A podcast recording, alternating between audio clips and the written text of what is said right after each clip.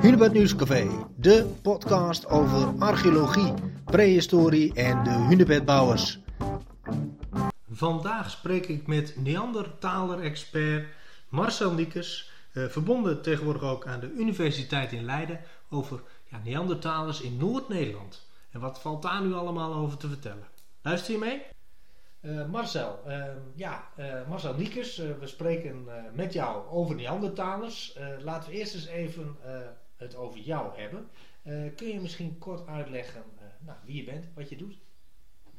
Ja, dat kan ik. Uh, Gijs, bedankt voor de uitnodiging om ja, vandaag aan jouw podcast deel te nemen. Mm -hmm. um, ja, ik ben archeoloog, gespecialiseerd op onderzoek naar de steentijd. Ja. En ja, eigenlijk heel breed hoor, van Neandertalers tot, uh, tot middelsteentijd. Okay. En ik heb eigenlijk sinds 2007 heb ik mij uh, vooral toegelegd op onderzoek naar Neandertalers. Mm -hmm. En sinds kort, daar ben ik ook heel blij mee, ben ik als extern onderzoeker verbonden aan de Universiteit Leiden. Ja, ja, dat, uh, dus, dus eigenlijk uh, nou, ja, heb je behoorlijk uh, ontwikkeld binnen de archeologische wereld. Dat zou je kunnen zeggen, denk ik. Ja, ja, ja. ja nou, kijk, toen wij in, in 2007, daar komen we straks nog wel op, mm-hmm. toen wij voor de eerste Neandertal vindplaats, of kampement eigenlijk, in, in Drenthe ontdekten. Mm-hmm. Ja, hè, dan zaten we drie stukjes op op een dag. En ja, toen kon ik nog niet bevroeden dat het uiteindelijk zou leiden tot een ja, extern onderzoekerschap. Nee. En ook een schrift. Hè. Ik ben daar nu bezig met een opzet voor een proefschrift over uh, de Neandertaler in, uh, ja, langs de rand van de oerwereld. Ja. met name Nederland, maar ook, uh, ook de rest van Nederland. Mm -hmm. Dus ja, wat drie steentjes dan nog niet toe, toe leiden is, is wel mooi om, om zo achteraf even terug te kijken. Ja, ja nou laten we het eerst even over die drie steentjes hebben. want niet iedereen weet dat, denk ik. Ehm, daar is het mee begonnen. Ja, eigenlijk wel. Um, ja, in 2006, toen, toen werkte ik nog aan het Groninger Instituut voor Archeologie. Ja. En toen had ik eigenlijk het plan opgevat, uh, samen met Jaap Beuker van het Drents Museum en, uh, en Dick Stapert, dat was natuurlijk de Neandertal specialist van, uh, van Noord-Nederland. Hij is ondertussen al jaren weer met, met pensioen. Mm -hmm.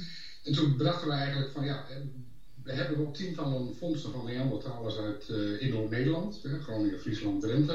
Maar we hebben eigenlijk helemaal geen kampementen dat was een beetje gek. Hè? Want we hadden allemaal losse vondsten her en der. Een vuistbijl uh, van anderen, een afslag bij zijen, noem maar op. Mm -hmm.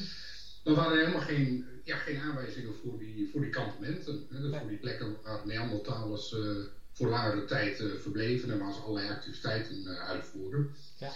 En toen zijn we begin 2007 met een project begonnen om samen met studenten in eerste instantie, om ja, gewoon eigenlijk de akkers af te zoeken in, in Drenthe, om die kampementen op te sporen. En uiteindelijk, na enkele maanden uh, ja, doelloze rondstruinen, zou je bijna kunnen zeggen. we hebben toen helemaal niks gevonden. Nee. Afgezien van het materiaal van de hunebedbouwers. Dat ja, was ja. voor ons natuurlijk iets minder interessant. Ja.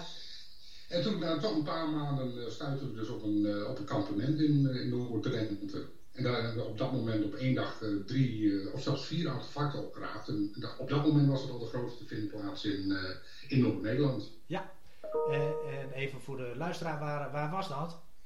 Ja, ja daar zijn we altijd een beetje voorzichtig mee om exacte vindplaatsen, maar het is in de buurt van Peest van Zijen. Dus oh, laat, het, ja, ja. laat het even. Ja. We proberen het materiaal allemaal zo goed mogelijk te, te bewaren. En dat wordt ook overgedragen aan het uh, depot in huis, zodat het op de duur voor iedereen uh, beschikbaar is. Mm -hmm. Mooi. En dus um, vandaar dat we ook een beetje huiverig zijn dat het in allerlei collecties terechtkomt. Ja. We proberen het echt uh, ja, voor, wetenschap, voor wetenschap en voor het publiek om het allemaal bij elkaar te houden. Begrijp ik. Begrijp ik heel goed. Uh, nou ja, je zei al, eigenlijk was er in Noord-Nederland qua kampementen niet veel bekend uh, tot uh, die vondst. Uh, misschien is het goed om even helemaal uit te zoomen. Hoe oud zijn de oudste Neandertalen vondsten ter wereld? En kun je daarna zeggen over de, ja, de vondsten in Nederland? Ja, nou, kijk, als je het over Neandertalen hebt, die, die, die vinden we, dat is echt een Europese soort, zeg maar. Europees en uh, ja, West-Azisch. Dus we hebben in West-Aziatisch bedoel ik.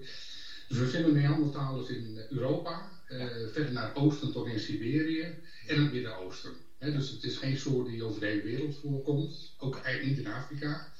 Het is echt een soort die bij, bij Europa en West-Azië hoort. Mm -hmm. De oudste vondsten van Neandertalers, die uh, Neandertalers zelfs ongeveer 400.000 jaar. Oké.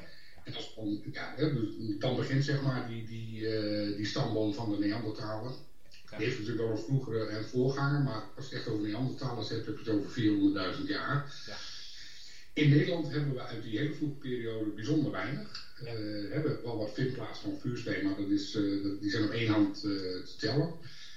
En als je kijkt naar Noord-Nederland, dan zijn de oudste vondsten ongeveer 120.000 jaar. Oké, ja. En dus echt wat latere Neandertalers noemen we dat. Ja, precies.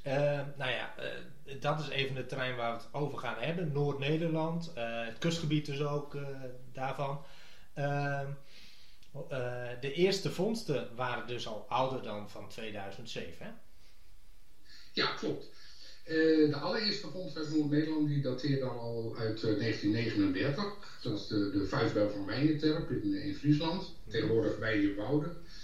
En ja, eigenlijk tussen zeg maar 1939 en projectverbond, het begin ja. van rond 2007, dat er zijn al die jaren wel eens wasstukken gevonden, links en rechts, uh, maar bijzonder weinig. Hè. Dat is nu dan wel eens een keer weer opgeraamd, wat ik al zei. De vuistbel van anderen, hè, rond 1960. Dat is nog steeds het topstuk van, uh, van de Neandertalen in Drenthe, zullen we maar zeggen. ja. Maar het is altijd gebleven bij losse stukjes. -hmm. Er is nooit echt goed systematisch naar, uh, naar gezocht. Ja. En ja, tot ons project kennen we eigenlijk maar één kampement in heel Noord-Nederland. En dat is uh, dat van Mander in, uh, in Overijssel. En er zijn begin jaren 80 enkele tientallen artefacten gevonden. Ja. Maar bij ons is het uh, ja, jarenlang achtergebleven.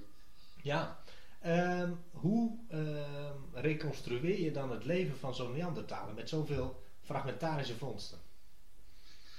Ja, dat is een, een, hele grote uitdaging waar je voor staat. Want we hebben niet alleen natuurlijk relatief weinig materiaal. Het materiaal is ook heel moeilijk te herkennen. Hè? Dus je, vandaar dat speelt ook mee in de, in de, in de ontdekking. Mm -hmm. Want een heleboel, uh, uh, ja, ook amateurarcheologen, die zijn natuurlijk wel gewend aan het, ja, het, het jongere materiaal. Hè? Mesolithicum, laat paleo, neo. Mm -hmm. ja, en het gaat ook alleen maar om vuurstenen. We kennen uit het buitenland kennen we vindplaatsen waar bordmateriaal is uh, bewaard gebleven. Van, uh, niet alleen van de Neandertaler zelf, maar ook van de, de, de gejaagde dieren. Mm -hmm. Je hebt soms houten voorwerpen zoals speren en andere, en andere werktuigen. Ja. Dus wij moeten het eigenlijk alleen maar doen met die vuurstenen. He, dus we hebben een, een, ja, eigenlijk een heel klein aspect van, uh, van zo'n Neandertal kampement zeg maar, pakken. Ja. ja, en dan moet je dus echt richten op die vuurstenen. Dus aan de hand van de, de werktuigen die we vinden, proberen we iets te zeggen over welke activiteiten uh, op de vindplaats zijn, zijn uitgevoerd. Mm -hmm. En, um, ja, en voor de rest proberen we natuurlijk ook die vindplaats in het landschap te plaatsen. Hè. Dus we hebben wel gegevens over de geologische opbouw van, het, uh, van Noord-Nederland. Dus we kunnen wel iets zeggen over uh, ja, wat voor landschapselementen ze prefereren. Mm -hmm. Dus we zaten bijvoorbeeld heel vaak bij Beekdalen in de buurt. Ja. En voor de rest moeten we ook kijken naar uh, vindplaatsen in het buitenland. Hè? Dus het is het bij, bij elkaar sprokkelen van uh, gegevens uit verschillende delen van Europa om zo'n reconstructie te maken. Ja, um, ja Neandertalers leefden in, in nou, relatief kleine groepen, uh, is mij wel eens verteld. Ja. Um, ja, kun, je, kun je misschien uitleggen hoe onderzoek daaraan bijgedragen heeft aan deze kennis van, van, van zo'n nou, de groepsgrootte bijvoorbeeld? Uh, ja, er zijn wel een paar uh, uh, onderzoeksrichtingen zeg maar, die de laatste jaren heel erg in belangstelling staan. Dat is bijvoorbeeld DNA-onderzoek, ja, onderzoek naar oud DNA van Neandertalers. Ja. En daaruit kan men ook uit het DNA van Neandertalers ook reconstrueren zeg maar, dat ze sowieso in kleine regionale groepen leven. He, dus, en die verbindingen, zeg maar, die contacten, die, die, ja, die hadden ze binnen een, een, een ja, beperkte geografische groep, zeg maar. Dus dat is dan heel belangrijk om uh, die informatie te achterhalen. Mm -hmm. En we kennen ook sinds een paar jaar een aantal vindplaatsen in uh, onder andere Frankrijk en Spanje, waar voetstappen van Neandertalers bewaard zijn gebleven. Okay. in oude strandafzettingen, dus echt zeer bijzondere vondsten. Ja. Daar heb je dus ook een idee van nou, hoe groot zo'n groep is geweest. Hè? Dus -hmm. dan moet je denken aan 10 tot 20 uh, personen, inclusief kinderen. Hè? Daar zijn ook voetstappen van, van gevonden. Ja. Dus ja, dat, zeg maar, dat DNA en uh, die voetstappen onder andere bij elkaar, dat, uh, dat levert al heel goed beeld op van die, van die groepsgrootte. Ja, um, heel veel prehistorie is natuurlijk uh, onderzoek en puzzelen. maar als ik jou zo hoor, is die Neandertaler tijd toch wel echt een, een, een ja, een één grote puzzel. Ja, dat klopt. eigenlijk geldt natuurlijk voor alle steentijdonderzoek. Hè? Ik bedoel, je hebt eigenlijk maar een, ja, ik heb het in de krant ook wel eens gezegd, van je hebt een steekproef van een steekproef van een steekproef. Hè? Dus je hebt maar een heel klein deel van zo'n vroegere samenleving, uh, ja, daar heb je een beetje grip op. Ja. Maar goed, naarmate je verder teruggaat in de tijd, en, hè, van, van zeg maar hunebedbouwers naar Neandertalers, ja, dan neemt hoeveelheid informatie uh, neemt gewoon sterk af. Ja. We, we, missen het organische materiaal, het hout, het bot veel minder vindplaatsen. Ja. Dus ja, je bent steeds, uh, ga je verder terug in de tijd, dan, dan moet je, ja, dan wordt de puzzel wordt steeds, uh, steeds lastiger, zeg maar. Ja, ja dat, dat, dat snap ik heel goed. Uh, laten we ons even weer, nou ja, concentreren op Noord-Nederland. de, de Neandertalers die daar dus 120.000 jaar geleden leefden. Ehm, je zei al, ze, ze zaten vooral ja, in beekdalen. Ehm, wat is nog meer bekend?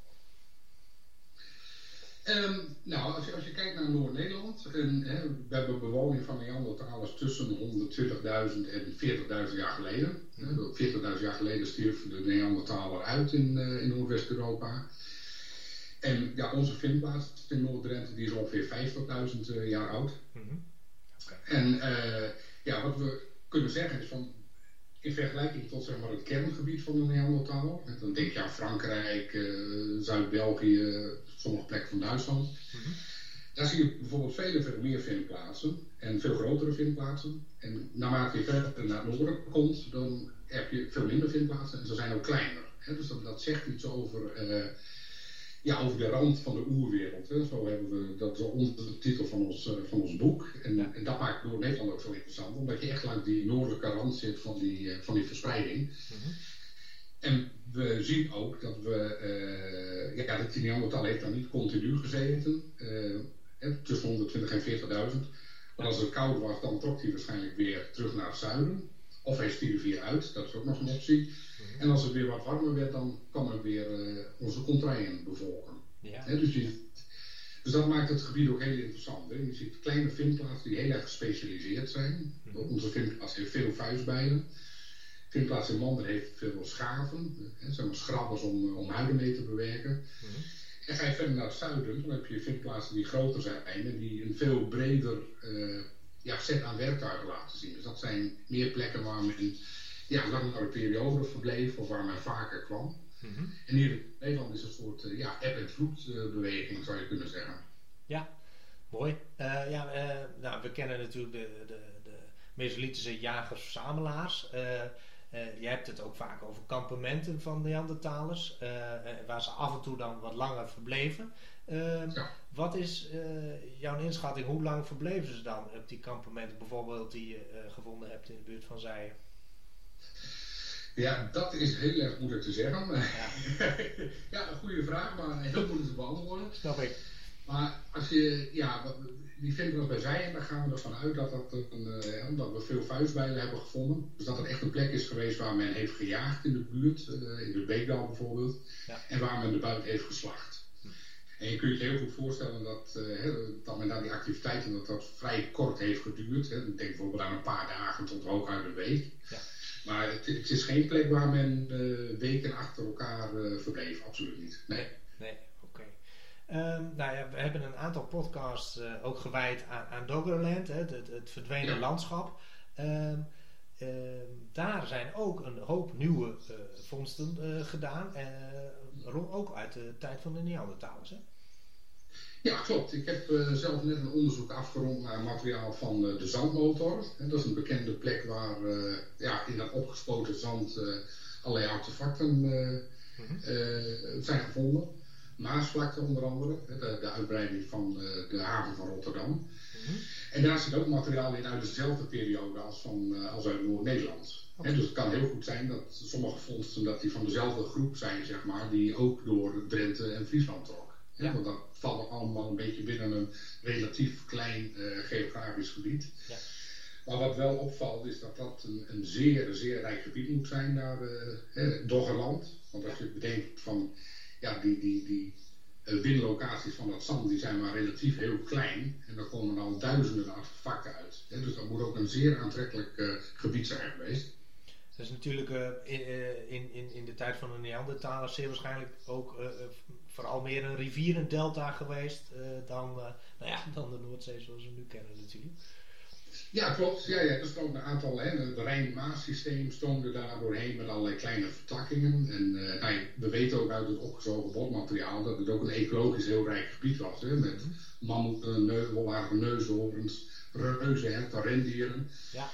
Dus het is wel heel aardig om te zien dat wat wij, uh, wat je uit de Noordzee, uh, wat daar wordt opgezogen, aan het botmateriaal, ja, dat missen wij hier in het noorden. Hè? Ja. Dat is heel anders. Ik hoop nog voor de toekomst ook dat we nog een keer een vindplaats uh, tegen te komen waar je zowel vuursteen hebt als bordmateriaal. Ja, ja. Nu, nu, sluiten beide gebieden eigenlijk heel mooi op elkaar aan. De ene alleen maar vuursteen in Drenthe en Noordzee ook bordmateriaal. Mhm. Maar goed, die combinatie, die, uh, daar hoop ik voor de toekomst nog, uh, hopen we die nog tegen te komen. Ja, um, heb je een, een, een idee uh, of er zeg maar uh, in de zeeën boven uh, Groningen, zeg maar, in het gebied daar, of daar nog dingen te vinden zijn over de Neandertalers? Ja, er zijn wel een paar vondsten bekend. Onder andere van de stranden van, van Texel, Vlieland en uh, Schiermonnikoog. Er ja. ook maar heel sporadisch een keer een, een Neandertal artefact gevonden. Mm -hmm. Alleen je merkt wel duidelijk dat het, eh, dat het minimaal is. Hè? Dus je zit uh, in Noord-Nederland echt langs de rand van die, uh, van die oerwereld. En uh, ja. Drenthe is al relatief rijk nog. Mm -hmm. Is deels ook te wijten aan, of te danken eigenlijk aan al die amateurarcheologen die, die zoeken. Ja. Ja. Als ga je nog verder naar het noorden, dan, ja, dan wordt de spreiding wel heel erg eigen. Dus, dan, dus heel sporadisch wordt wel opgezogen, maar het is niet, niet ver. Als ik jou zo proef, dan, dan heeft dat ook gewoon destijds te maken met het klimaat dat ze daar gewoon niet kwamen. Ja. Ja, dat klopt inderdaad. Hè. Wat ik al even zei, van als het te koud werd. Ja, er zit op een bepaald moment zit er een soort ecologische tolerantiegrens zeg maar, aan die Neandertalen. Mm -hmm. En dat is ook een van, uh, van de punten waar ik mij op ga richten in mijn onderzoek. Van ja, waar, waar ligt die grens precies? Mm -hmm. Het is natuurlijk niet, niet een, een, keiharde grens, er ligt niet een lijn over de, door de bodem van uh, hè, verder dan dit uh, stopt niet verder. Nee. Maar ik probeer wel een beetje te achterhalen van hoe je die grens precies moet voorstellen. Dus wat zijn de kenmerken daarvan en, en tot waar loopt die dan door? Hè? Want er is op een bepaald moment verder naar het noorden, ja, het houdt een keer helemaal op. Ja. En ja, het is gewoon interessant om uit te vinden van uh, hè, waar die echt die, die noordelijke rand precies ligt. En wat is de hypothese dat die net iets boven uh, Drenthe ligt? Ja, net iets boven. Uh, als je kijkt naar, naar onze omringende landen, bijvoorbeeld Engeland, hè, dat zat natuurlijk in die tijd ook vast aan, uh, aan het continent, hè, omdat Doggerland lag, uh, lag droog. Ja. En Noord-Duitsland aan de andere kant. Dan mag je nog iets verder naar het noorden mag je vondsten verwachten, maar dan houdt het ook echt op. Ja, ja dus ter hoogte van Sleeswijk-Holstein, dat, dat is een van de noordelijkste vindplaatsen die we op dit moment kennen, Drelsdorf. Mm Ligt vlak tegen de grens met, met Denemarken aan. En dat is wel echt het noordelijkste wat we op dit moment uh, hebben. Ja, ja. Um, dat onderzoek, dat ga je starten of ben je nu net gestart? Uh, uh, ik ben daar net mee gestart. Mm -hmm. ik heb net een voorstel ingediend bij, bij mijn toekomstige begeleider in, in Leiden. Okay. Dus daar wacht ik nog op een discussie. ik ga nog met haar bediscussiëren. Mm -hmm. maar dus ik hoop dat binnen twee jaar uh, dat onderzoek af te ronden. En, uh, maar goed, ik heb de afgelopen jaren hebben natuurlijk heel veel onderzoek gedaan. Ja. Er zijn verschillende artikelen over gepubliceerd en rapporten. Mm -hmm. Dus in die zin uh, heb ik al, nou, ben ik eigenlijk in 2007 al begonnen, zou je kunnen zeggen. het, het opzetten ja. van het onderzoek. Ja, ja. Dus in die zin heb ik al een heleboel gegevens. En ja, het is nu een kwestie van alles aan elkaar te breien. Hè? Ja. En, dat, en de verdiepingsslag te maken. En, ja, die, die hypothese over die, die, uh, die noordelijke rand uh, ja. uit te zoeken. Mooi. Uh, ja, uh, we hebben ook in deze podcast het vaak over archeologie en publiek. natuurlijk ook omdat het Hunebed Centrum daar natuurlijk uitermate geïnteresseerd is in hoe vertaal je ja. voor het publiek. Ehm, ik heb eens even een beetje op Facebook gekeken en het viel mij op dat jij heel veel interactie hebt met, met mensen die, die vondsten doen. Ja, dat klopt. Ja, ja, ja. Er zijn op Facebook verschillende groepen uh, zoekers actief, zeg maar. Je hebt de Steentijdvondst een uh, pagina. Mm -hmm. fossielen der Maasvlakte is ook zo'n zo'n groep geïnteresseerden. Mhm. En ja, ik, ik, krijg eigenlijk per dag, ik krijg alles bij elkaar, tientallen appjes, mails, berichten op Facebook via Messenger om materiaal te bekijken. Ja. Ja. Onder andere van, eigenlijk vanuit heel Nederland, maar met name ook Maasvlakte, Zandmotor. Mhm. Ja, dat, dat is een belangrijke, eh, of misschien wel de belangrijkste informatiebron die er is. Zonder amateurarcheologen en amateurpaleontologen, dan uh, ja, we beginnen niks. Nee. Ik, bedoel, ik, ik, kan niet als en archeoloog al die vindplaatsen allemaal bijhouden, en uh, collega's ook niet. Nee. Ja, er is een groep van tientallen geïnteresseerden die dagelijks de, de stranden afloopt op zoek naar vondsten. Ja. En die leveren dan echt de, de, ja, toch eigenlijk wel de belangrijkste bijdrage aan het onderzoek uh, naar die vroege bewoning van, uh, van Nederland. Um, kun je ons eens meenemen naar hoe dat dan gaat? Iemand die stuurt een appje, die vindt iets en dan, en dan ja, uh, in sommige gevallen is het ook daadwerkelijk heel interessant materiaal. Ja, klopt. Ik krijg, er zit natuurlijk ook, niet alle zoekers zijn even ervaren. Mm -hmm. Je krijgt ook heel veel natuurlijke vuurstenen te zien. Maar ook heel erg veel goede artefacten. Hè? Zowel mesolithisch als, uh, als Neandertaler materiaal. En heel soms zitten daar ook gewoon pareltjes bij. Hè? Dan gaat het niet om een gewone afslag. Die kennen we natuurlijk wel vrij veel van. Uh, maar soms ook een vuistbij of een, uh, een speciale moestrienspits of noem maar op. Okay. En dat... ja, en die fondsen die registreer ik allemaal. En uiteindelijk dan hoop ik ze dan ook in het echt te zien als, als de corona weer helemaal voorbij is. Dat ik met die mensen af kan spreken. Ja. En dat we fondsen ook kunnen, uh, kunnen lenen om, uh, om ze te bestuderen en te laten tekenen. Ja, ja. ik kan me zo voorstellen dat, dat er ook mensen luisteren nu en, en uh, die, die, regelmatig misschien wel op een tochtje gaan om te kijken of ze hier in Drenthe zaken kunnen vinden. Ja. Waar moeten ze nou op letten in het kader van de Neandertalenvondsten? Uh, ja, dat zijn natuurlijk, wat ik al eerder zei, dat zijn eigenlijk de moeilijkste dingen om te vinden. Ja. Die stukken zijn heel erg zwaar verweerd. Mm -hmm. Ja, wat heel verstandig is, is uh, als je echt zeg maar doelbewust op zoek gaat naar oude, oude artefacten, -hmm. is om je eerst nog in te lezen. He, er zijn wel verschillende boeken over. niet alleen dat van ons natuurlijk over Neandertalers. Ja. Er zijn ook boeken over het uh, herkennen van vuurstenen, uh, vuurstenen werktuigen. Mm -hmm. Dus ik denk dat die voorbereiding is wel heel erg belangrijk. Dus dat je daar een beetje in inleest en ook ja, wat informatie verzamelt over de, de locaties waar je materiaal kunt vinden. Wat ik al even zei, van de randen van Beekdalen zijn natuurlijk bekende ja, vestigingsplaatsen. Ja. Niet alleen voor andere tafels, maar ook in latere perioden. Zeker. Ja. En, en laat ze vooral ook veel zien. Hè. Ik bedoel, uh, ze kunnen ongetwijfeld vondsten uh, bij jullie aanmelden. Zeker kan dat, ja. ja. En als dat wat uitkomt, dan, uh, dan verwacht ik natuurlijk wel een telefoontje of een mailtje van je. Ja, ja, zeker, zeker. Ja. En ze kunnen ook, uh, ja, of via Facebook of uh, via Stichting Stone, de website, kunnen ze altijd een bericht sturen met foto's. Want uh, ik kijk altijd heel graag mee en help mensen met het determineren van de stukken. Ja, dat is best wel een, een, een nieuwe tak hè, in de archeologie. misschien overdrijf ik een beetje, maar de archeologie is wel eens geslotener geweest, dacht ik. Ja, dat klopt. Ja, absoluut. Het is, uh, uh, nou, kijk, in Noord-Nederland, als je dan mm -hmm. kijkt puur naar Neandertalers, dan heeft natuurlijk die hele affaire vermaning. Hè, dat is, ja. al ver voor onze tijd. Maar ja. in de jaren 60, eh, 70 heeft een, ja, toch bij veel amateurarcheologen een blokkade opgeworpen om, om contact te zoeken met, met de professionele archeologen. Ja. Er wordt wel eens gezegd, er was een kloof tussen de, de amateurs en de universiteiten. Ja. Maar daar, daar, merk je helemaal niets meer van. Nee, dat ligt allemaal achter ons. En uh, ja, we hebben zoveel amateurs die met ons meewerken. En daar merk je helemaal niks meer van, die, van een angst of een uh, nee. wat dan ook. Nee, nee. Um, nou, ik denk dat we een heel eind zijn. Je, je, hebt net al even iets over je onderzoek, uh, aanstaande onderzoek verteld. Uh, zijn er nog andere onderzoeken die jij met, met veel plezier gaat volgen of volgt? Uh, ja, ik ben, ik ben, iemand die eigenlijk met een heleboel onderwerpen vaak tegelijk bezig is. Op, ja, op of nou Mesolithicum is of laat Paleolithicum of Neandertalers. Ja. Ehm, nou, wat, wat het laatste betreft, nog even afgezien van mijn onderzoek uh, in Leiden. Ja. Ik, ik, wil in elk geval graag in Noord-Nederland nog eens een aantal uh, vindplaatsen, uh, ja, een kleine opgraving doen. Ja, om te kijken van wat, wat is daar nog bewaard gebleven van blokmateriaal. Bijvoorbeeld in Beekdalen, dat staat echt bij mij bovenaan. Ja, oké. Mhm. Ja, en, en, waar ik ook bij betrokken ben, is dat nieuwe NWO-project van oh, ja. de Universiteit Groningen. Mhm. Van de uh, Resurfacing Doggerland. Ja. Daar heeft volgens mij Luc Amkreuz al uh, in een vorige podcast over verteld. Klopt, ja.